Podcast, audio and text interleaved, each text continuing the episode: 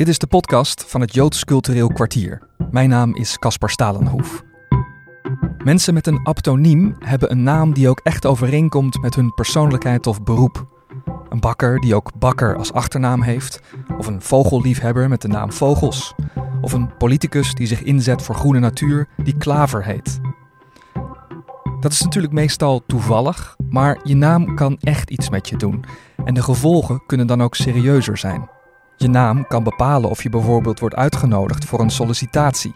In 2019 bleek uit onderzoek van de Universiteit van Amsterdam dat mensen met bijvoorbeeld een Marokkaanse naam 40% meer sollicitatiebrieven moeten schrijven om te worden uitgenodigd. En ook bij de toeslagenaffaire bleek dat achternamen een rol hebben gespeeld. En dat relatief veel mensen met een tussen aanhalingstekens niet-Nederlandse naam benadeeld werden. En op een kleinere, maar wel dagelijkse schaal zijn er mensen met opnieuw tussen aanhalingstekens moeilijke namen, die telkens weer verkeerd worden uitgesproken. Geen grote consequenties, maar wel irritant en zeker blijk van desinteresse. De grote meerderheid van de bevolking heeft van al het voorgaande geen last, of sterker zelfs geen weet. De meeste mensen hoeven niet na te denken over hun achternaam. Die hebben ze gewoon van hun vader gekregen. En het is een naam die geen echte betekenis heeft, tenzij je dus kok heet en altijd al graag in de keuken hebt gestaan. Geen last hebben van je naam kan best een privilege genoemd worden, net als andere aspecten van identiteit waar witte mensen niet over na hoeven te denken en dus voordeel bij hebben.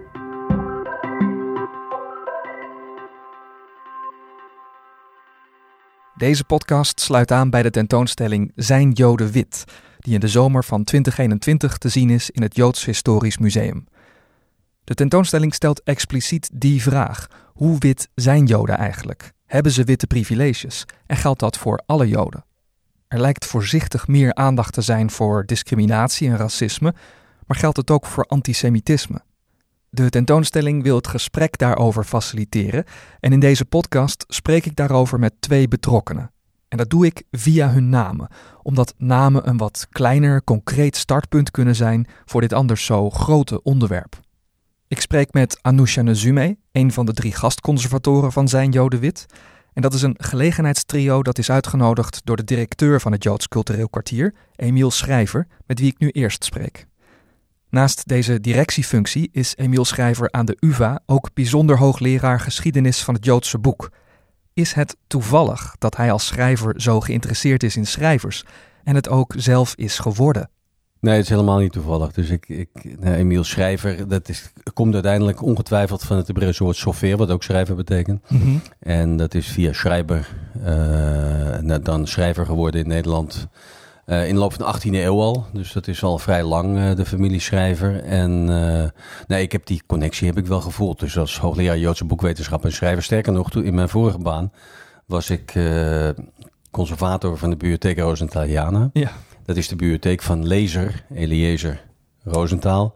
En om als schrijver uh, de bibliothecaris te zijn of conservator te zijn van de bibliotheek van lezer.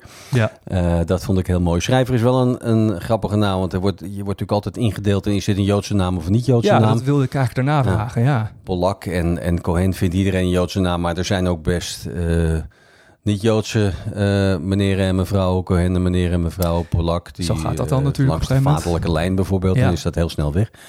Uh, schrijver is een naam die zowel in Joodse kring als in niet-Joodse kring uh, terugkomt. Er zijn eigenlijk twee grotere families schrijver in Nederland. Die twee families die worden continu, Joodse familie schrijver in Nederland, die worden continu op elkaar aangesproken ook. Uh, van zijn jullie familie van elkaar? Zijn jullie familie van Haagse schrijvers of zijn jullie familie van de Amsterdamse schrijvers? Oh ja, ja. Maar er zijn ook heel veel, er zijn natuurlijk ook heel veel niet-Joodse schrijvers. En dat gaat natuurlijk terug op het idee dat je iemand de naam geeft die direct met zijn beroep uh, samenhangt. Ja, destijds en, toen uh, dat... Dus dat ligt, dat ligt er. En je hebt dan natuurlijk nog wel binnen de Joodse gemeenschap nog wel de gewoonte om behalve dan je reguliere roepnaam uh, ook nog je synagogale naam te hebben. Ja. ja goed, ik, ik ben verder niet religieus actief, dus voor mij speelt dat geen rol. Maar dat Hm. speelt op andere plekken in mijn familie wel weer een rol. En dat, is vaak, dat zijn toch vaak wel namen die je dan weer doorgeeft. De zoon van die en die namen die je dan weer doorgeeft in de, in de familie. Ja, en die gebruik je dan ook alleen in synagogale context. Ja, als je opgeroepen wordt of als je, weet Precies. Ik wat, als iemand die is overleden herdacht wordt, dat soort dingen. Ja.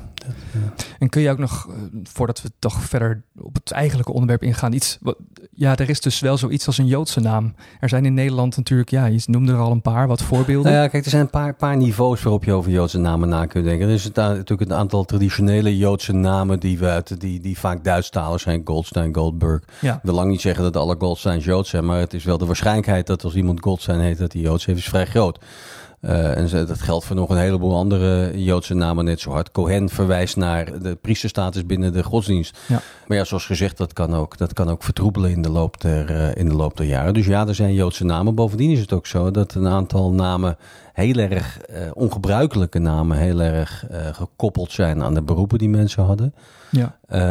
en dat die vaak ook gewoon door de, door de toenmalige ambtenaren van de burgerlijke stand. Het eind van de 18e, begin van de 19e eeuw. In de Franse tijd, hè? In de is Franse allemaal, tijd. Dat, ja. Er werden die namen ook gewoon maar bedacht. Ik bedoel, in de Joodse kring was je over het algemeen uh, Jacob, de zoon van, uh, van Samuel. Ja. En daar, kan, daar kon dan een familienaam bij horen. En die familienaam die verwees vaak, niet altijd, maar vaak uh, nou, of naar het beroep, of naar de plek waar de familie oorspronkelijk vandaan kwam. Frankfurter, Hamburger, en, en, en nog veel meer van dat, soort, uh, van dat soort verwijzingen naar plekken. Dus het is een. Uh, ja, er bestaat zoiets als een Joodse naam, maar door de assimilatie, door de, uh, door de emancipatie, is ook heel veel daarvan weer ja, verdund. Ja. Dat, dat, is natuurlijk ook. De Jansens zijn ook al lang geen nee. zonen van Jansen. Precies, zo is dat. Dus zo, gaat dat. En dat is hetzelfde fenomeen eigenlijk. Ja. Um, en heb je ook nog het fenomeen um, hier, maar ik weet het ook in de VS, heb je bijvoorbeeld best bekende artiesten, Joodse artiesten, die ook een naam hebben aangepast. Omdat het dan ook minder Joods klinkt. Hè? Ja. En ook denk dat hier in, voor de oorlog en ook na de oorlog ook om verschillende redenen, assimilatie of, uh, of toch ook het oorlogstrauma, ook sommige mensen ook een Joodse naam uh, ja, dat is al begonnen bij de voornamen. Hè? Dus een, een, een oom van mij, de broer van mijn vader, die heette Jules. En die is vernoemd naar zijn grootvader Juda. Uh, en Jules is een Franse naam waarmee je nog wel de JU in stand houdt. Maar ja. Juda, Juda is al weg. Ja, dus dat is, dat is een, en, en een andere oom in diezelfde familie, de andere broer van mijn vader, die heette Siegfried. En Siegfried is Salomon en Salomon is Shlomo. Dus, de, de, ja. daar zit het woordje shalom in. Dus de, de, de, je ziet in eerste instantie zie je via de voornamen dat er een soort. Uh, dat het hele, hele erge Joodse karakter er al dan niet door middel van een vertaling of door een klanknabootsing uh, uitgehaald wordt. En dan onder specifieke omstandigheden kan het in het belang zijn van, uh, van iemand, of kan iemand het van belang vinden dat hij die als Joods herkenbare naam niet gebruikt. maar ja, ik vind dat wel. Het, het, het is wel ingewikkeld. Ik bedoel, de, de, het, het wordt binnen Joodse kring ook over het algemeen niet als een positief gegeven opgevat. Dus als er, ja. uh, als er mensen zijn die zich naar buiten toe met een, uh, met een niet-Joodse of een niet-Joodse naam sieren, terwijl ze eigenlijk een ongelooflijk Joodse naam hebben, dan wordt de voorzichtigheid die daaruit spreekt. Uh, binnen de eigen kring vaak toch ook als een soort, soort gebrek aan moed om je als zodanig bekend, bekend te maken. Tegelijkertijd moet je ook wel zeggen, ik, ik, ik weet ook van, van bekende Nederlandse acteurs die Joods zijn, die niet per mhm. se een Joodse naam hebben, die direct na de, na de toneelschool van hun ouders te horen kregen, zeg maar niet dat je Joods bent. Want dat kan tegen je werken. Ja. Dus er is een, ik, heb daar, ik heb daar niet bij voorbaat een oordeel over. Maar het is, ik begrijp die voorzichtigheid. Het speelt wel. Het speelt wel. Nee, het is er en ik begrijp de voorzichtigheid ook. En ik ben zeker in de periode kort na de oorlog. Uh, zal ik niet degene zijn die, uh, die, die zo'n keuze uh, veroordeeld. Wat je wel mhm. ziet is dat mensen dan vaak later uh, daar een stuk uh, opener over zijn, maar dat ook de buitenwereld daar, daarvan op kan kijken. Ja. en dat, dat is natuurlijk ook vanuit het museale dan wel weer interessant. Van, van op welk moment, en ook vanuit het historische, op welk moment kiest iemand het dan voor om in zijn leven. Je krijgt is bijna een soort coming out als, als Jood. En dat is natuurlijk wel een, dat is wel een interessant fenomeen. Je ziet dat vaak op de latere leeftijd dat mensen zich wat bewuster worden van hun familiegeschiedenis en ook wat uh, zelfverzekerder worden op dezelfde manier waarop we dat later ook zien. Dat mensen wat zelfverzekerder worden over het feit dat ze uh, nou ja, zich kunnen outen bijna mm als, uh, als Jood en dat ze dan eigenlijk terugkomen op die beslissing. Dat ja. zie je ook. Ja. En dat vind ik eigenlijk ook wel interessant voor mee. Maar je ziet de complexiteit ervan. Je naam die, die, die hangt samen met, die hangt heel nadrukkelijk samen met wie je bent. Niet alleen met hoe je jezelf voelt, maar ook met hoe een ander je ziet of hoe je denkt dat een ander je ziet. Ja, ja, nou ja, die maatschappelijke context waarin je dus met je naam omgaat en hoeveel last je daarvan hebt. Ik denk dat je daar dan komen we al langzaam op het gebied van de tentoonstelling zijn Joden wit. Dat is natuurlijk ook de vraag. Die vraag alleen al stelt die vraag. Uh, zijn Joden onderdeel van de grote witte meerderheid? Hebben ze daar, uh, hebben ze daar privilege in? Daardoor bedoel ik eigenlijk. Of zijn er tegelijkertijd ook eh, aspecten aan hun identiteit, via hun naam of hoe ze eruit zien of hoe ze hun religie beleven, waar ze er juist ook weer last van uh, hebben? Ja, nee, kijk, het wordt door, door een van. Kijk, het is ontegenzeggelijk als ik in een ruimte binnenkom, dan ben ik een witte man. Dat kan ik niet. En ik heb dus ook in eerste termijn.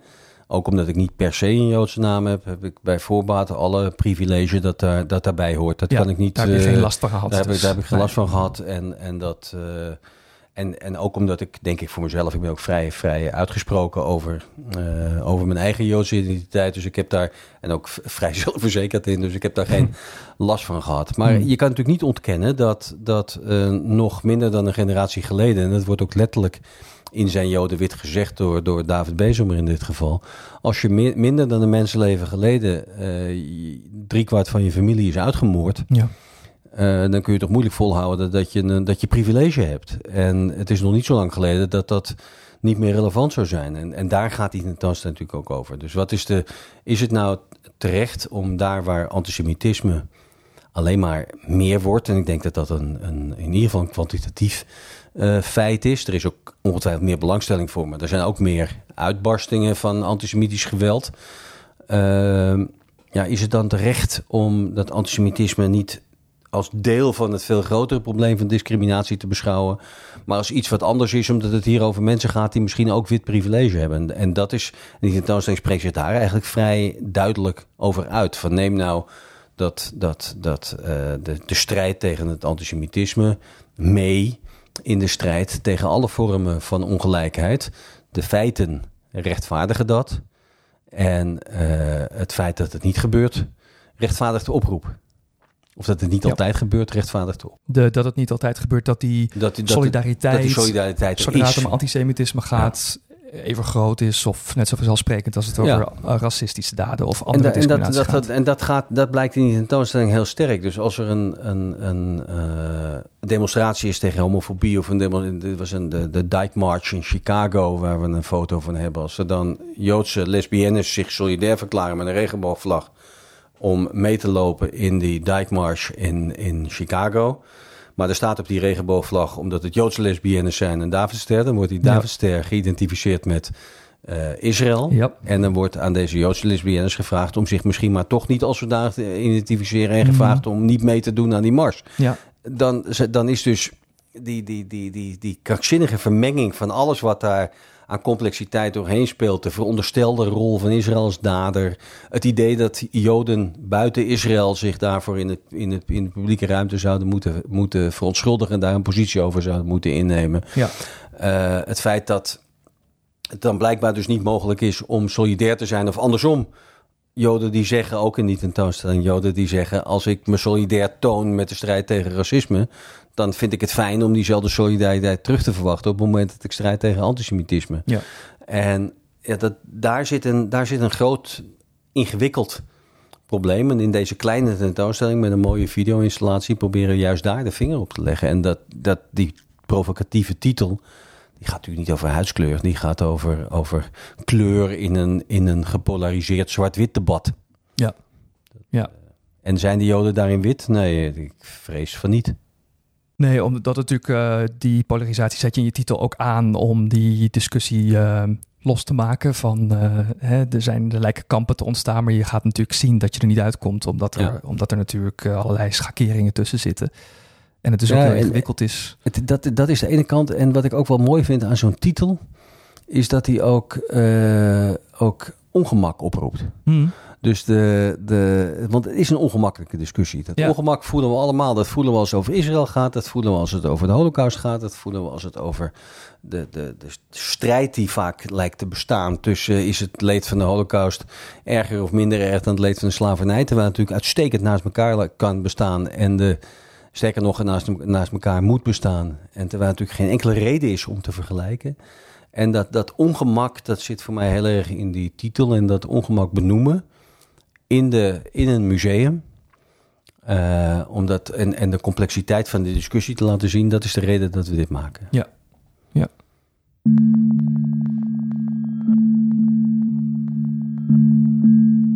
Voor de tentoonstelling zijn dus drie gastconservatoren betrokken. Guidon Querido van Frank schreef in 2019 een opiniestuk over dit onderwerp voor Vrij Nederland, dat de aanleiding vormde voor deze tentoonstelling. Liefnat Faber is onder andere voorzitter van de Joodse vereniging OIV, die Joods activisme binnen de antiracismebeweging stimuleren. En Anousha Nezume, actrice, presentator, schrijver, heeft expertise en persoonlijke ervaring op de intersectie van Joodse en zwarte identiteit. Anousha woont in New York, dus we hebben gevideobeld. En het leek me interessant om ook via Anousha's naam, die echt veel gelaagd is, over haar identiteit te spreken. Die begint natuurlijk met haar geboorte in Moskou, wat terugkomt in haar voornaam Anousha, wat een Russische verkleinnaam is voor Anna. Ja, klopt. Mijn officiële eerste voornaam is Anna. Ik ben genoemd naar mijn oma. Mijn moeder heeft haar moeder verloren in de tweede, tijdens de Tweede Wereldoorlog. Ze was negen jaar oud. Dat was echt heel verschrikkelijk. Ze is in het ziekenhuis overleden aan tuberculose. Ze zouden net voordat de nou ja, Moskou dichtging, zouden ze weggaan naar beter klimaat voor mijn oma. En dat is niet gelukt. En ja, eigenlijk wist mijn oma toen, dit is het. Als dit zo lang doorgaat, ga ik dit niet overleven. Hmm. En mijn moeder weet nog precies dat ze stonden letterlijk op het station om de trein in te stappen. En dat werd allemaal afgezegd. En zij zag haar moeder, en toen was mijn moeder zeven, of was ze nog kleiner, was natuurlijk het begin van de oorlog. Ja. En toen zag ze de moeder, en nu, ja, maar ze zegt nog steeds dat ze daar wakker van ligt. Dat ze zag in haar moeders ogen, dit is het. Ik raak mijn moeder kwijt. En twee jaar later was ze dood. Ja. ja. Dus nou, dat is heel traumatisch. En ze was negen, ze was klein, dus wilde ook buiten spelen. Ze wilde ook toch gewoon blijven leven. En daar heeft ze ook een ontzettend schuldgevoel over. Dat zij niet genoeg bij haar moeder in het ziekenhuis was. Terwijl ze mocht ook niet te veel bij haar moeder in het ziekenhuis zijn. Want haar moeder had TBC. Ja. Het is natuurlijk allemaal heel erg, um, heel, heel, zit heel veel trauma, zit heel veel pijn. Maar goed, ik ben genoemd naar mijn moeder, naar mijn oma, Anna. Ik, zie, ik zeg zelfs moeder zo vereenzelvigd met, met mijn moeders uh, pijn en verdriet daarin. Ik ben daar echt mee opgegroeid. En het oorlogstrauma heb ik heel erg meegekregen. Ik ben absoluut wat dat betreft een tweede generatie kind. Mijn moeder heeft de oorlog zeer bewust meegemaakt. Bijna elke dag, elk gesprek komt dat nog ter sprake. Dus dat is natuurlijk ontzettend, heeft haar gevormd. En mij dus als tweede generatie kind natuurlijk ook. Ja. Ik ben naar haar genoemd, maar in Rusland is, ja, heet bijna iedereen. Je hebt Maria, je hebt Anna, je hebt, je hebt een paar Nadjezda, je hebt, je hebt echt letterlijk tien vrouwennamen, tien mannennamen, weet je, we kennen ze wel, Iwan, Boris. Um, en dus heeft iedereen een soort uh, verkleining. Ja. Mijn verkleining was uh, Anjusha. Ik werd altijd Anjusha, Anjusha genoemd, van ja, kleins af aan. En um, toen ik echt op televisie kwam voor het eerst en ik wist mijn naam komt te staan op de aftiteling van iets, heb ik er echt over nagedacht en dacht ik, ja, ik wil die Russische kant, I want to honor that, want iedereen ziet mij altijd als Surinaams, Antilliaans, uh, in ieder geval niet Russisch. En ik wilde dat dat duidelijk was. Dus ik dacht, dan ga ik niet voor Anna, want dat is vrij, dat kan overal vandaan komen, dan ga ik voor Anusha, want dan ziet iedereen, als ze die naam zien, hé, hey, daar is iets mee. En dat vind ik belangrijk. Hey, en uh, we hadden het in het begin al even over, want ik wilde natuurlijk vragen naar uh, dat dus je moederskant uh, is Joods. Van moeders moeder. Ja, ja, je moeders moeder, ja. Maar dus dan is je moeder, en dus jij volgens de halacha, zijn jullie dus Joods? Ja, volgens de halacha wel, maar ja. zo ben ik niet opgevoed. Nee, Kun je, en hoe, hoe, hoe zat dat?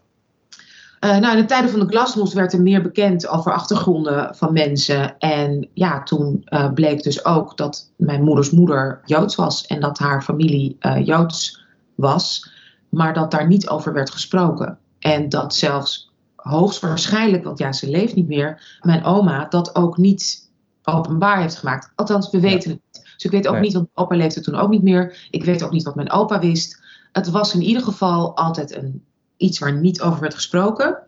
En wat mijn moeder nog steeds lastig vindt om over te spreken. En uit respect voor mijn moeder, ja, is, geeft, is, dat, is, dat, is dat dubbel voor mij. Omdat wat zij, ik juist heel erg voelde, voor mij vielen er bepaalde kwartjes. En had ik zoiets van, oké, dit klopt, zeker cultureel, laat ik het zo zeggen. Ja. En de Joodse cultuur en de Russische cultuur zijn natuurlijk ook heel erg met elkaar verbonden. En helemaal in de Sovjet-Unie en helemaal in Moskou, omdat ontzettend veel communisten, socialisten, belangrijke mensen in de beweging, in de socialistische en communistische beweging, waren Joods. Ja. Dus dat dat invloed heeft gehad natuurlijk op de culturele en sociale sfeer in zo'n grote stad, ja, is begrijpelijk. Dus ik ben heel erg, dus toch, ehm, misschien niet direct, maar wel indirect, met die cultuur opgevoed en opgegroeid. en ook in de kunst en cultuur. En mijn moeder, ook al is zij een wetenschapper, ging zij heel veel om met kunstenaars, muzikanten, uh, acteurs, regisseurs. En daar was een heel groot deel Joods van. Dus van kleins af aan had ik dat om mij heen. Mijn Russische kant was enorm verbonden met de Joodse kant. Dus voor mij klopt het heel erg. Die, eh, die Joodse invloed in die uh, Sovjet-tijd is dus zeer aanwezig. Maar toch was er in jouw familie dus toch een reden om er niet helemaal voor uit te komen? Of om er toch niet echt iets mee te doen? Had dat met antisemitisme te maken, denk je?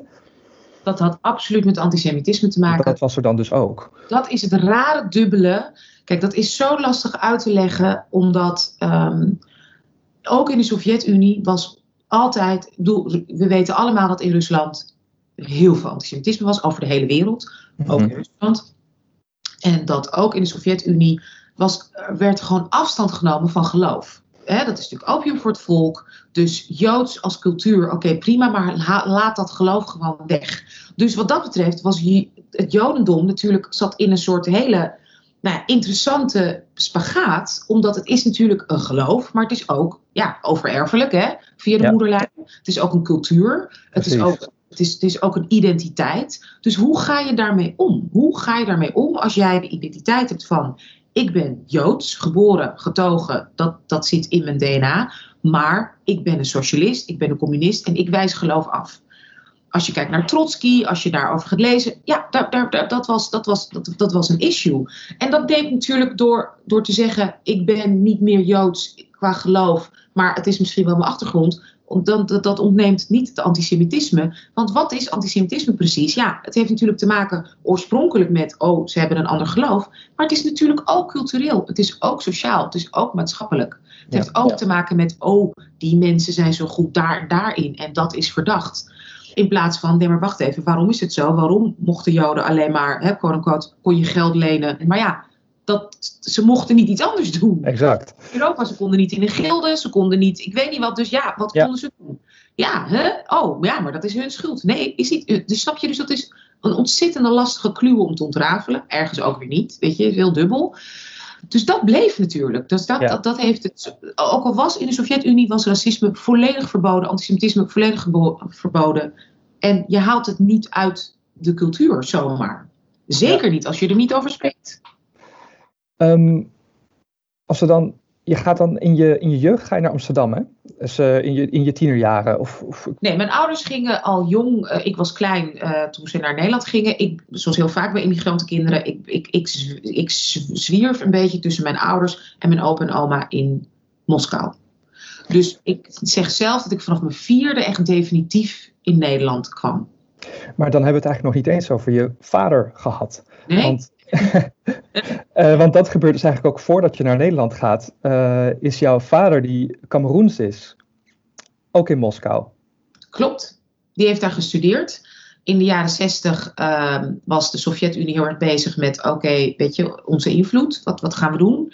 En Afrika was natuurlijk een gigant, hè, werelddeel en een onontgonnen gebied. En dat maakte zich langzaam maar zeker los uit het juk van kolonialisme en uh, westerse politieke, sociaal-maatschappelijke en economische invloeden. En daar, zoals wat China nu doet, zag de Sovjet-Unie toen ook een mogelijkheid om te spread the socialist word. En terwijl die landen onafhankelijk werden, ze aan zich te binden. En dat deden ze door op verschillende manieren, politiek mensen te steunen, maar ook uh, qua um, uh, zeg maar het socialistische ideaal te propageren door mensen aan te bieden, de, de best and brightest, om in de Sovjet-Unie gratis te kunnen studeren. Mm. Je hebt, en hebben ze genoemd naar de grote vrijheidsstrijder uh, Patrick Lumumba uit hè, voormalig Congo, Belgisch Congo. Um, die is vermoord met behulp van de CIA. Dus dat was ook een politiek statement om die Universiteit voor Buitenlanders, de Patrick Lumumba Universiteit, te noemen. Mm -hmm. Overigens hebben daar ook Nederlanders gestudeerd. De vader van de vriendinnetje van mij, die Russisch is, en net vader, die heeft daar. En je kon daar gratis studeren, dus je moest dan eerst Russisch leren. Dus je kreeg een jaar de tijd om Russisch te studeren. Daarna kon je elke studie doen die je wilde. En na je studie moest je ook weg, want de bedoeling was ook echt dat je het woord en het socialisme dus Juist. mee terugnam naar jouw land van, uh, van, van, van herkomst. Mm -hmm. En uh, ja, heeft die kans gegrepen. Ja, en daar komt dus jouw achternaam vandaan. Dat is, jouw, dus, dus de achternaam van jouw vader. Ja. Uh, betekent die naam ook iets? Ja, het betekent van alles. In, in Cameroen, volgens mij hebben ze ook een beetje, dat waren ook de, was, waren de, kolon, kolon, de kolonisten die een beetje zeiden van jullie moeten iets doen met een achternaam of zo. Dat is later mm -hmm. officieel geworden. Maar ja. in principe had jij altijd als persoon, had je je eigen naam die je kreeg. En dat was heel belangrijk in ons, uh, bij ons volk. Uh, dat, dat, dat had dan, uh, werd heel erg over vergaderd welke naam de baby kreeg. Van welke voorouder, welke familieband. was altijd was, mm. was een heel belangrijk sociaal moment. Ja. En je droeg dan een beetje de naam, dan wist iedereen, oh, dat is, dat is jouw vader. En mijn vaders generatie was dus de eerste die besloot, oké, okay, wij gaan nu deze naam houden. En die krijgen ook onze kinderen. Dus eigenlijk had ik mijn vaders naam als achternaam moeten krijgen. Uh -huh. Maar dat hebben we dus veranderd. Hè. Mijn vaders leeftijdsgroep heeft dat veranderd. Dus ik heb nog steeds, mijn achternaam is de naam van mijn, de voornaam van mijn opa. Ja, dus Nzume is de, uh, de naam van jou, de vader van jouw vader. Ja, dus mijn opa's voornaam. Ja, dat is echt, ja, dat is gewoon echt ja. de naam zelf, die wordt er gewoon achter geplakt. Ja, het is ook een voornaam in, ja. in, in, in ons, bij ons. Wij, wij zijn de Bakossi's, op mijn vaders volk is de, het Bakossi-volk. Uh -huh. En daarin is in, in, de, in Bakossi is het een bekende, is het ook een voornaam. Ja. Um, als je in Amsterdam zit, heb je ook nog een tijdje Stijn geheten, hè? Klopt. En uh, je hebt, dat, je hebt uh, op een gegeven moment gekozen voor, ik ga toch voor de naam Nazume. Is het zo, klopt het dat dat misschien voor sommige mensen gek is? Ben je daar wel eens op aangevallen? Oh, daar ben ik heel vaak op aangevallen. En het grappige is, kijk, ik heb, ik, ik wil niet oneerbiedig zijn over mijn hele lieve stiefvader, waar ik ontzettend veel van, altijd van heb gehouden, nog steeds van. Hij is niet meer bij ons, dus daarom is het ook weer, het is kwetsbaar, dit, dit onderwerp. Ik heb niet gekozen voor Stijn. Ik had, mijn stiefvader heeft mij nooit geadopteerd. Want mijn stiefvader had heel veel respect ook voor mijn vader. Dus hij wilde niet zijn kind zomaar adopteren of afpakken, quote unquote. Ja, ja. Wij, mijn ouders hadden goed contact en mijn stiefvader had heel goed contact met mijn vader. Mijn stiefvader heeft voor het geboortedorp van mijn vader ontzettend veel gedaan. Mm. Dus mijn stiefvader had vond, weet je, mijn stiefvader was gewoon een heel vooruitstrevend persoon en kwam ook uit de socialistische beweging en was ontzettend ruimdenkend. Uh, hij was niet hoog opgeleid, maar was super, zeg maar, emotioneel heel intelligent. En hij wilde niet, he didn't want to mess with my, je, weet je, hij wist gewoon, je bent de dochter van jouw vader ook, je bent ja. ook West-Afrikaans ik wil daar niet mee, ik wil dat niet zomaar afpakken. Maar ze wel dachten, oké, okay, we zijn nu al eenmaal zeg maar een gezin, samengesteld gezin, met een donker kind. Dit is al best wel veel gedoe. Joh, laten we gewoon Stijn gebruiken nu ze klein is en op de lagere school zit en straks naar de middelbare school gaat, basisschool, middelbare school. Lekker makkelijk. En dan is het gewoon ja. Dus die beslissing is voor mij genomen met de beste ja. bedoelingen. Ja, Zodat ik niet altijd hoef te uitleggen, nee, dat is mijn vader, maar ik heet anders. Dat wilden ja. ze jou besparen tussen aanhalingstekens natuurlijk. Dus, ja. En toen zijn ook nog eens mijn moeder en mijn stiefvader uit elkaar gegaan. Dus toen was ik 14, 15, gingen zij uit elkaar. Ik zat op de middelbare school en ik heette nog steeds Stijn. Ja. Op school, niet in ja. mijn paspoort, snap je? Ja. Ja. Dat ze op vakantie gingen met vriendinnetjes. Dan, hè, jeetje niet zo mee. Dus het was altijd een soort het was altijd een verhaal met mijn naam. Altijd, altijd een gespreksonderwerp. Ja. Maar ik vond het op zich niet erg, want ik hield heel veel van mijn stiefvader. Dus ik vond het helemaal niet erg om nog steeds dat te moeten uitleggen. Nee, ja, Stijn, nee, mijn paspoort staat nu mee. Maar toen ik 18 werd en ik ging Ja. naar de Kleinkunstacademie, had ik zoiets van, nou, nu, weet je, dit is een nieuwe stap. En mijn stiefvader, heb ik ook niet dat ik dat hem moest vragen, maar die zei alleen maar Mhm. mij, Griet, noemde hem altijd Griet. Mhm. Natuurlijk, natuurlijk, dat is je naam. Ja. Ik ben heel blij dat je al die jaren mijn naam hebt gedragen, maar dit is jouw naam. En lieverd, Griet, absoluut. Dus snap je? Dus met heel veel liefde is dat gewoon helemaal goed gegaan. Maar toen ik bekend werd, en met name met tijdens de Zwarte Piet discussie en toen mijn boek mm uitkwam, Hallo Witte Mensen, toen werd het tegen me gebruikt en werd er gezegd, haha, zij heet gewoon Anna Stijn, maar zij noemt zichzelf Anusha Zume omdat ze daarmee meer subsidies krijgt. En dan lijkt ze mhm. lekker etnisch. Ja, precies. Dat gebeurt er dan. En het enige waarom het om is, is om mijn mening en om wat ik uh, naar buiten. Weet je, omdat ik vind dat gelijkwaardigheid uh, twee kanten op werkt, of meerdere kanten op werkt. Je kan niet spreken over één soort van gelijkwaardigheid, toch? Ja. Dus daarom ben ik een intersectioneel uh, activist en feminist. En um, ja, vinden mensen dat ik dus anti-Nederlands ben. En is het dus leuk om mij weg te zetten, natuurlijk als hypocriet. Als iemand die haar zwartheid gebruikt wanneer het haar uitkomt. Maar eigenlijk gewoon eigenlijk white adjacent of bla bla bla is. Er wordt ook gesproken over mijn accent. Weet je, oh, ze praten ook zo correct Nederlands alsof dat ook nep is. Dus alles wat ik doe wordt natuurlijk geframed als iemand die onbetrouwbaar is, die liegt, die hypocriet is en die eigenlijk Nederland, oftewel wit, Nederland kapot wil maken. Dat is eigenlijk dan ook meteen een, uh, een bruggetje naar uh, het andere onderwerp. Want we hebben je natuurlijk uitgenodigd voor het uh, museum ook om samen de tentoonstelling te maken. als, een van de, als een van de gastconservatoren. Je, je bent je natuurlijk in de laatste, nou, hoe lang? Meer dan 10, 15 jaar wel echt gaan, ben je onderdeel van, de, van het maatschappelijk debat. Hè? Of ageer je gewoon tegen racisme, wijs je aan wat, waar, waar blinde vlekken zitten en um, waar, waar racisme bestaat. Vooral jouw boek uh, Hallo Witte Mensen is uit 2017, hè, geloof ik. Dat is natuurlijk wel echt zo'n uh, heel publiek zichtbaar moment waarop je je in, die, in, de, in dat debat hebt neergezet. Klopt, daarmee heb ik, en dat heb ik ook echt bewust gedaan. Ik dacht, ik zit nu in een goede plek in mijn leven, qua leeftijd. Mijn kinderen zijn oud genoeg ik heb een bepaald soort zekerheid dat ik dit kan doen. Want ik weet gewoon dat dit heel veel gaat betekenen voor me. Dat heel veel opdrachten gaan opdrogen als dit boek uitkomt. Maar, nu kan dat. En daarom heb ik het op dat moment. De tijd was gewoon rijp om dat, uh, om dat te doen en te schrijven en uit te brengen. Nou, ik vind het wel heftig wat je zegt. Dus dat je dus echt, uh, je moest bij wijze van spreken een soort zekerheid hebben opgebouwd vanuit je carrière. Zodat je het kon maken, bij wijze van spreken, om, om zo'n boek te schrijven. Ja, dat wist ik, omdat ik vanaf 2013, toen ik me voor het eerst zeg maar echt in een televisieprogramma uitsprak over hè, anti, antiracisme in de vorm hè, door de karikatuur Zwarte Piet. Ja. Vanaf 2013 en daarvoor al, toen ik uh, bijvoorbeeld uh, reageerde op het, op het boek van Robert Vuijsje, uh, Alleen maar nette mensen, kreeg, heb ik, kreeg ik wekelijks en soms periode dagelijks hele agressieve doodsbedreigingen en verwensingen en verkrachtingsfantasieën die mensen mij mailen. Dus ik was me daar ontzettend bewust van. Hmm. Ja. ja. Um, en ik wil dan naar, uh, ja, ik vind het best wel heftig om dan voor wat je nu vertelt, nu dan even heel zakelijk weer over te gaan naar ons tent. Want het is super heftig wat je daarvoor, wat je daarvoor zegt. Het is echt uh, bizar wat er dan ja, het is super heftig en het is een realiteit. Ik bedoel, uh, kijk naar Sylvana Simons. Ja.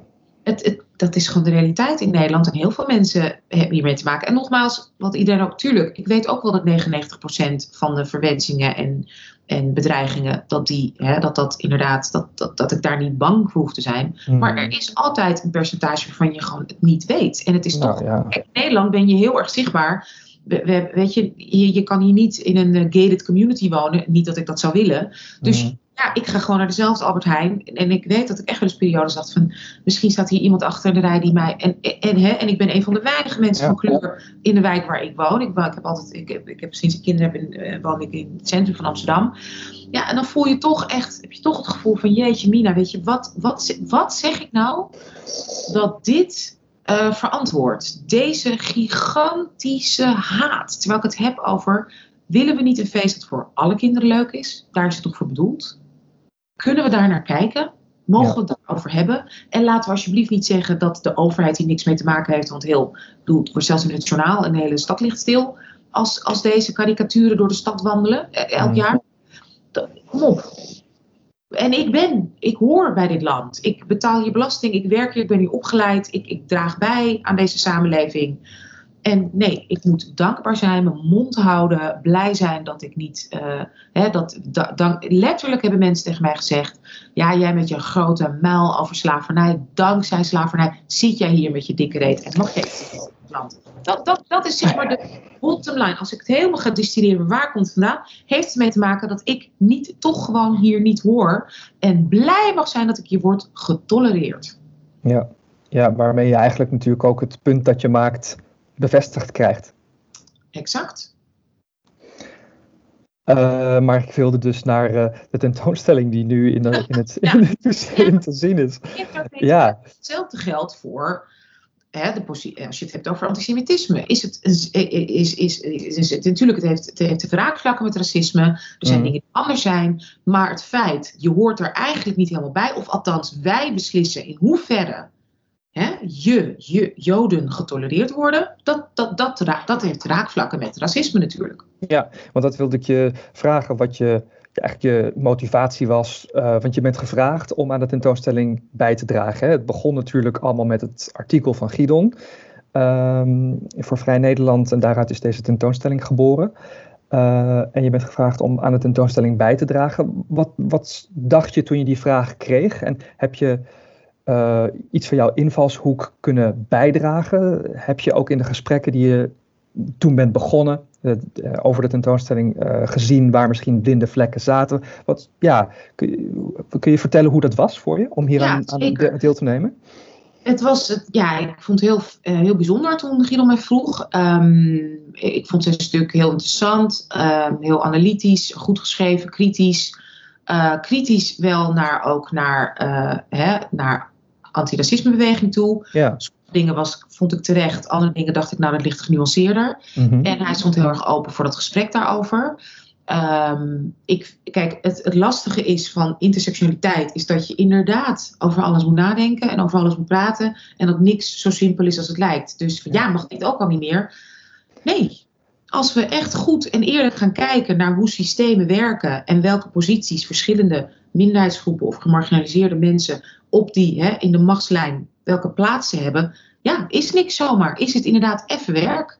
Zoals, het ook, zoals, zoals zoveel dingen even werk zijn, weet je? dus mhm. ja. um, dat, dat, daar heb je gesprekken voor nodig. En, heb je, en die nuances, en die zijn niet altijd even welkom, die zijn soms irritant. Omdat, nou, net als bijvoorbeeld het voorstel hè, waar we het over hadden in de Sovjet-Unie: van nou, laat even dat hele Jodendom zitten. We gaan nu voor het socialisme. We gaan nu voor inderdaad alle arbeiders. Zo werkt het natuurlijk eigenlijk niet. Want dan zie je antisemitisme, als je er niks mee doet, dan, dan blijft het. Dan blijft het gewoon een mechanisme dat aan het werk is, omdat het ook voor bepaalde mensen heel veel oplevert. Er zijn gewoon verschillende. Hè? Het gaat over krachten en machten en, en, wie haalt waar iets uit. Dus als je dat niet bespreekt, onder, ondervang je het niet en blijft het dus bestaan. Dus hetzelfde geldt ook met zo'n tentoonstelling. Natuurlijk, wat wil je nou? En we wilden zoveel, want je wil het hebben over antisemitisme. Maar je kan het niet hebben over antisemitisme eigenlijk als je het niet ook hebt over, want er zijn ook Joden van kleur. En er zijn ook Joden die gay zijn. En er zijn ook Joden die trans zijn. En trans en van kleur. En ook queer. Dus ja, dan ga je heel veel nuances in. En ik vond het geweldig dat iedereen bij het museum dat dat dat dat, dat, dat niet alleen logisch was, maar ook werd verwelkomd. Dus we hebben alle lastige, pittige gesprekken hebben we op een hele vriendelijke, en hele open en warme manier hebben we die met elkaar kunnen voeren. En voor mij was het heel belangrijk om daar heel duidelijk en genuanceerd in te zijn. Ook omdat ik niet was, um, nou, elke mening is welkom. Want ik vind bijvoorbeeld racisme, seksisme, antisemitisme, uh, hè, uh, antitrans denken en alles, vind ik geen mening. Dat mm. zijn maatschappelijke mechanismes. Dus dat denk ik, vond ik heel belangrijk, want er was een beetje het, het, het idee van eh, in hoeverre wordt dit een soort links feestje. Terwijl het gaat me niet om links of rechts, maar het gaat me wel om dat als jij zeg maar ehm, in de media je heel duidelijk hebt uitgesproken dat je vindt dat antiracisme moet dimmen, uh, dan vind ik niet dat die stem, dat die mening, want ik vind het geen mening, dat vind ik eigenlijk een aanval op vrijheid, dat, dat die ook een plek moet hebben in deze tentoonstelling. Um, dus dat, dat was een pittig, niet een pittig gesprek, het was een goed gesprek, waar we ook een paar keer op terugkwamen. Want wat, wat, daarin zoek je natuurlijk ook nuance. En kon ik niet op elk punt, zeg maar, quote-unquote, uh, gelijk halen. Uh, Maar de basis is wel, we hadden wel snel met z'n allen en ook Emiel, iedereen gewoon een soort lijn van we gaan niet onder deze lijn zitten van, oh ja goed, ik heb gewoon kritiek op, op antiracisme en als dat neigt naar racistische uitlatingen, nee, dan, dan is dat niet welkom in tentoonstelling. Ja, ja. dus, dus dat, dat is iets wat jij toen je hier instapte uh, waakzaam uh, voor was. Dat uh, de toon of de dingen die gezegd worden. Want ja, sommige mensen slippen soms in zo'n soort van idee van.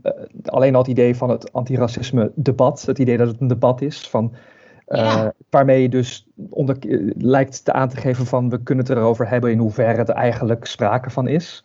Lijkt al onder een soort lijn te komen waarvan jij net zei, daar moet je gewoon boven blijven, want het is evident. Het is evident en het kost zoveel energie. Ik vind het heel vervelend om steeds die nullijn te moeten. Want dat is natuurlijk ook iets van de uitingen van inderdaad racisme. Als we het de hele tijd maar gaan hebben over de definitie, dan mm. komen we dus niet verder in de discussie, in het gesprek. En dat vind ik heel erg zonde voor, voor, om echt verder te komen. Dus als je de hele tijd maar moet uitleggen, nee, maar dit is wel racisme, dit is niet racisme, en wat je mm. nu zegt is racistisch, hoe komen we dan bij, bij, op een hoger niveau om verder te En dat wilde ik niet. Dus daarom hebben, zijn we streng geweest op bepaalde hè, uh, bekende mensen die misschien wel een interessante mening hadden, die we hebben toch niet uitgenodigd. Omdat we dachten, ja, dan gaan we weer naar die, gaan we weer naar die nullijn, weer die nullijn uh, bediscussiëren. Ja. En zoals inderdaad Tony Morrison ook heeft gezegd in een interview, dat kost zoveel energie. En dat als je daar de hele tijd mee bezig bent, kom je bijna niet aan het werk toe. Ja. Heb je nog, ja, kun je vertellen wat jij nog meer uh, voor mogelijkheden zag door aan deze tentoonstelling mee te werken? ik, wat ik een hele belangrijke mogelijkheid vond en waarom ik ook heb bijgedragen en meegedaan aan de tentoonstelling, mm veel plezier, is om Joden van kleur ook aan het woord te laten. Want er wordt vaak niet over Joden van kleur gesproken. Mhm. Ehm, of er wordt over Joden van kleur gesproken, maar wie zijn de Joden van kleur zelf? En met name binnen de Nederlandse context. Hoe zit dat? Waar zit, wat, wat is hun verhaal? En hoe, hè, we hebben, als je kijkt naar zeg maar, het Jodendom in Nederland, ehm, zien we dat toch best wel als een wit of evil white adjacent cultuur. Die zeg maar afstammen van Oost-Europese witte quote Joden. Of inderdaad Portugese Joden.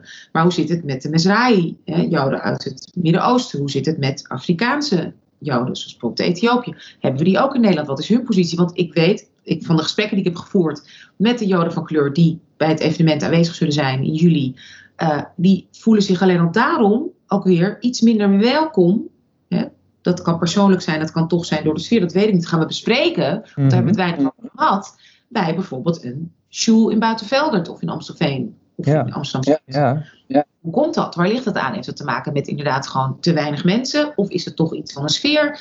Eh, is het toch, inderdaad, heeft het toch te maken met vooroordelen vanuit hè, white adjacent of white passing of white, hoe ze identificeren, Joden, die dan toch anders kijken naar Joden van kleur. Wat, wat is dat? Nou, dat vind ik heel belangrijk. Dat is vaak een onderbelicht thema. Uh, want je hebt Joden in alle vormen, seksuele, seksuele geaardheid, alles. En kleuren en etniciteiten. Dus ik ben heel blij dat, ik daar, dat we daar ook over gaan spreken. Um, soms als ik ook mensen vertel dat we zo'n tentoonstelling hebben, zijn Joden wit, dan vragen ze mij dan ook, ja, en wat is dan het antwoord daarop? Uh, is, is dat zo? Of ja, hoe zit dat dan? Hoe, hoe denk jij daar zelf over na? Ja, hoe denk ik er zelf over? Zijn Joden wit? Um, kijk, witheid is een construct. Dus je hebt twee soorten wit. Je kan wit zijn gewoon, hè, je, je, je melanine. Ja, je hebt een hele, een hele lichte huid. Een hele lichte huid je hebt bepaalde features, maar je hebt ook een maatschappelijk construct, witheid. Zoals ik het heb over wit, bedoel ik bijna altijd dat construct. Want bijvoorbeeld als je kijkt naar de Verenigde Staten, toen de Ieren hier kwamen, hè, naar de grote uh, potato famine, mm waren Ieren niet wit. Ja, dus Ieren werden, er stond letterlijk no dogs, no Irish, gewoon in New mhm. York. Mm Ehm, en je had, eh, waar, wat, wat we nu kennen als Central Park, was vroeger, dat heette Seneca Village. Dat was opgericht door zwarte mensen die nergens anders konden wonen. Het was een soort moeras. Daar hebben zij een hele fijne maatschappij opgebouwd. En de eerste witte mensen die daar, quote wit, die daar ook bij kwamen, waren Ieren. Ja. Ja? ja. Dus die hadden samenwerking, die leefden samen, die hadden daar hun eigen kerken, want de Ieren, hè, katholiek. New York meer protestant, zwarte mensen. En die hadden daar een gemeenschap, scholen, kerken, werkten samen. Op een gegeven moment zijn Ieren were elevated to another status. Dus de status van witheid werd Mhm. hen, zeg maar, gegund. Ze zijn meer bij de politie gegaan in New York. Nou, het is echt, en dat is ontzettend interessant als je daarin verdiept, Ja. hoe witheid kan worden gegeven. Ieren hebben toen, zijn vanaf toen wit, maatschappelijk wit geworden. Ja. Als je kijkt naar Joden in Nederland, heeft de Shoah heel erg bijgedragen aan een maatschappelijke, quote-unquote, andere status. Dus de Joden die terugkwamen uit de Tweede Wereldoorlog werden na- de Tweede Wereldoorlog meer gezien als part of de Nederlandse identiteit. En met andere woorden, witte identiteit dan daarvoor. Hmm. Snap je? Dat betekent Ja. niet dat er werd gezegd Joden zijn zwart. Maar ze hoorden niet bij witheid als concept. Hoe Nederland hè, witheid als concept zeg maar vormde en, en, en uitdroeg maatschappelijk. Ze waren de ander. En na de Tweede Wereldoorlog werden ze er iets meer. Wat niet betekent dat er geen antisemitisme meer is of was. Mhm. Maar ze waren iets meer welkom maatschappelijk in. Nou, oké dan. Weet je, dit is gebeurd. En sterker nog, wij in de Tweede Wereldoorlog waren heel erg tegen de Duitsers. Oh, weet je, soldaat van Oranje. Iedereen had een neef of een oom of een broer in het verzet. En nou, hebben we allemaal voor jullie gedaan. Kom maar. Dat is, vind ik, een zeer ehm precaire, precaire vorm van witheid. Die je, zeg maar, wordt gegeven. Die je krijgt. Die je ook Ja, kan wordt worden je, ver- wordt je verleend als het ware. Het wordt je verleend. Dus ik noem dat altijd. Het schuldgevoel is, zelfs ook nog, hè? Dat is natuurlijk ook. Is dat, Nou, en ook, ja, schuldgevoel, maar ook een soort cultureel eh, Nederland, hè, pragmatisme. Van, wow, maar wij waren goed hoor, in de Tweede Wereldoorlog. ja, precies, dat zit daarbij. Ja, ja, ja. Heel, het is ook heel pragmatisch, eh, Mhm. maatschappelijk. Van nee, wij waren niet de vijand. En dus ik noem het ook heel erg eh, voorwaardelijke witheid. Ja. Want Ja. je ziet wat er nu gebeurt met de ontzettende stijging van het antisemitisme. Hoe snel, hoe je er ook uitziet, opeens jouw identiteit toch weer de ander, het gevaar, het, weet je, de dader is. Mhm. Dus dat spel tussen dader-slachtoffer is heel erg precair en is van heel veel hè, systemen en invloeden afhankelijk. Zowel politiek als economisch, geopolitiek speelt een rol. Wat er gebeurt dus in Israël heeft dus ook een weerslag op hoe jij als Nederlandse Jood, wat jouw, de identiteit die jij hebt van binnen, is Ja. niet altijd hetzelfde met die de buitenwereld jou gunt of geeft. Bij mij is het hetzelfde. Ik Ja. weet heel goed wie ik van binnen ben. Van buiten, de maatschappelijke identiteit die Nederland mij geeft, is, heeft raakvlak, maar is echt niet helemaal, weet je, dus inderdaad die vrouw die inderdaad de naam verandert om maar gewoon subsidies te krijgen en lekker Nederland helemaal door een play wil trekken. Dat is ja. de identiteit die mij door een deel van Nederlandse media wordt gegeven. En zo werkt het dus ook. Zo, zo werkt dat ook voor quote-unquote witte adjacent of white passing of hè, zeg maar ja, qua huidskleur witte joden. Ja. Het wordt je gegeven. Het kan ook worden ontnomen. Het heeft te maken met de tijd. Met de, het heeft met heel erg veel te maken. Het is een heel interessant, problematisch, lastig en belangrijk concept om over te praten. En ik, als je Gidons artikel, die vraag zijn Joden wit, lijkt ook wel gesteld te worden aan mensen die zich inzetten tegen racisme. Ja, Eh, omdat er soms op lijkt dat wanneer er ehm, tegen racisme gestreden wordt, antisemitisme niet wordt meegenomen. Of wanneer er iets gebeurt dat antisemitisch is, dat er dan dus niet zoveel op lijkt te komen, zoals het afgelopen jaar, sinds 2020 natuurlijk met Black Lives Matter, er echt een soort eh, momentum lijkt te zijn in, ehm, in, in de strijd tegen racisme, maar het dan, dan achterblijft als het om antisemitisme gaat. Dus dat, dat, Ja. wordt, Ja. dat, is, eh, dat, dat zegt Gidon in zijn artikel en is ook een van de uitgangspunten. En ook voor de vraag: zijn Joden dan wit? Eh, Ja. Vraagt hij dan. klopt. En kijk, waar ik, ik ben, dat, ja, hij heeft gelijk, dat is zo. Waar ik, wat ik eh, eh, belangrijk vind om te bespreken is van goed, maar ik vind het interessant dat dan de, zeg maar, oplossing wordt gezocht bij anti-zwart racisme. Mhm. En hoezo moet die groep, wordt die groep dan ook genoemd van ja jongens, kom, ik bedoel niet dat hij dat zo zegt, maar even laten Ja. we even ja, ja. voor, voor, hè, voor, het is heel genuanceerd natuurlijk, maar even gechargeerd. Ja. Ja, eh, anti-zwarte racisten van kleur, kom eens even op. Ga ons ook eens even helpen. ja. Dat, dat- met die analyse ben ik het niet mee eens. Precies van nee, je moet dat niet bij die groep gaan halen. Je moet gewoon kijken breed maatschappelijk. Ja. Dat vind ik. En daar, daar hebben we het ook over gehad. En daar praten we ook over. En ehm, eh, om dan inderdaad, ik zeg maar wat, eh, inderdaad antiracismebeweging van kleur daar verantwoordelijk voor te stellen. Nee, je moet kijken naar, naar het groot systeem van witheid. Het is nu ook heel interessant in Amerika met het anti-Aziatisch racisme. Ontzettend, dat is heel heftig, dat is heel afschuwelijk. de media hier ligt letterlijk alleen de zwarte incidenten eruit. Dus als je kijkt, dus ik heb het niet over zeg maar quote-unquote kwaliteitskrant New York Times, die, die is wat genuanceerder. Maar de, beetje, de, de, de New York Post of weet ik veel, de Daily News, dat soort kranten.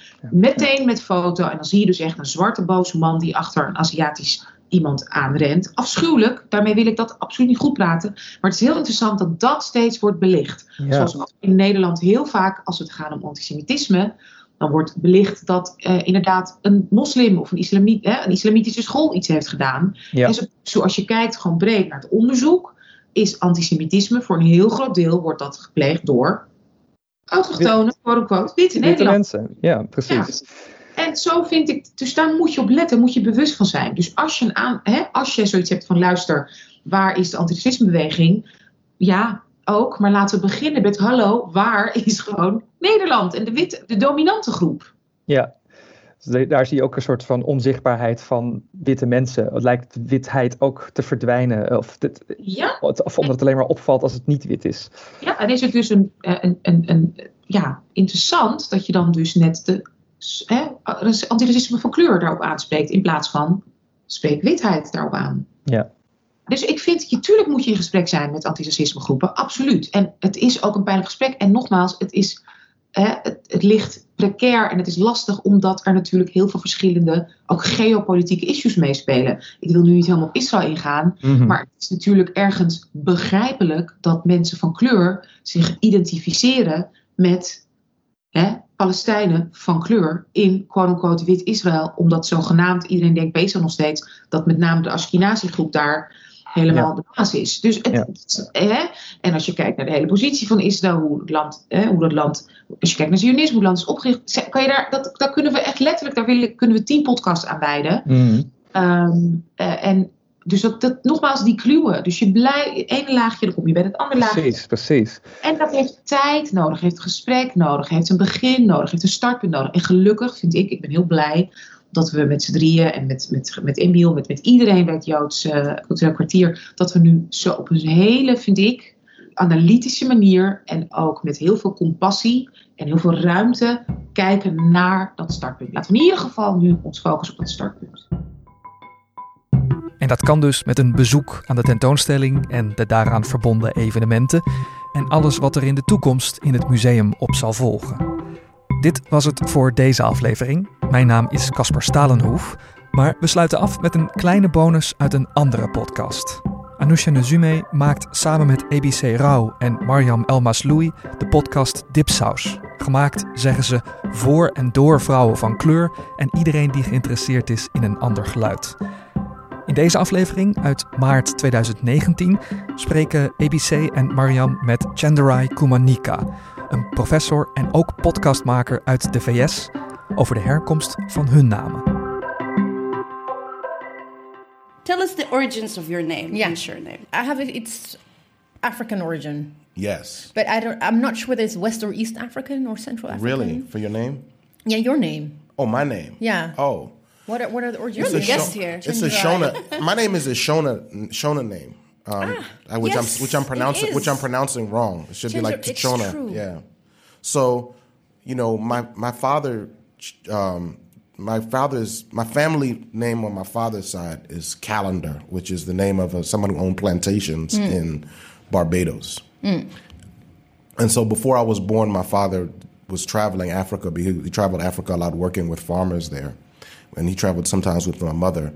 And eventually, at some point, you know, uh, and this I think happened also to me in the few times I've been to uh, West Africa. People own you, and after a while, they, they take they, they embrace you, and they were like, "We want." He said, I, "I think you're from here." So he said that to my father. I think you're from here. He's like, "We're going to give you a name." You know, my father was like, but I heard my father was like, you know, sometimes the African American, you want to reach for that home so bad. My mother told me my dad was doing crazy stuff. Like someone told him about like totems mm. you know, a, a, a, part of the different nations and stuff. And so they were like, yeah, you know, for the Shona, you know, this to- python is a totem. So my mom said my dad learned that, right? So then they were like, somewhere on safari or something and saw a python, my dad started walking up to the python. It's my totem. I'm no, okay. No. He was like, no, no. He'll eat you. He was like, fall back. so my dad was really cool, but he named he renamed our family Kumanika, um, and and I wasn't born yet, so I was named Chenjerai which means that's be really which means be aware. Yeah, that's really cool. Oh, that's beautiful. Yeah, that's a beautiful name. Yeah, thank you. Yeah. It, it didn't feel like that when I was in kindergarten. yeah. yeah. yeah. It's interesting you say that because I had that in Ethiopia, not when I came here. Really? I mean, when I came here, obviously I have an exotic name, but in Ethiopia, I grew up in the capital city in Addis Ababa, which was like, uh, and there's this ethnicity oppression dynamics going on. I'm from the ethnic group which is oppressed. Mm-hmm.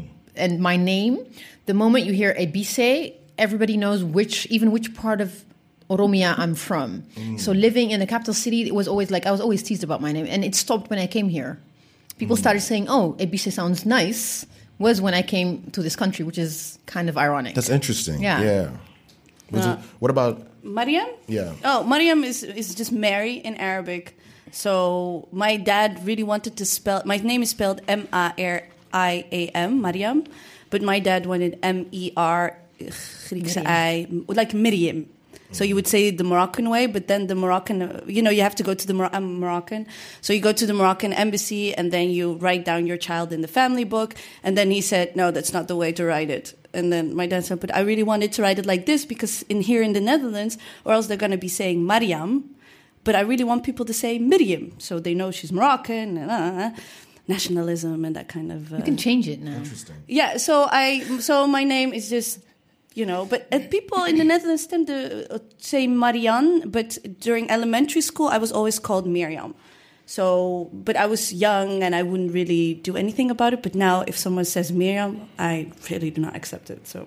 See like uh, you know for me i'm always like looking for stories and like i feel like there's like at least a dope half hour episode just about your name, yeah. about your name, Definitely. you know, maybe my name, you know. And even how we got our last name, so half of Morocco, you know, so the French said, just like in the Netherlands, actually, and the French also came to the Netherlands and said, you know, you all need a last name, so you have really funny last names, family names with F- family names yeah. where they just trying to try to like piss off the French. They said, yeah, naked in the field, that's my last name, you know, naked in the field. Yeah. And then so we at one point had to, had to have a last name, so people would say, so neighbors would ask each other like, what did you do? And I said, yeah, we did Mslahi oh, so we'll do Mslahi as well. Not thinking then they all of a sudden they become family or anything. So people on Facebook, like all over the admin, they said we have the same last name.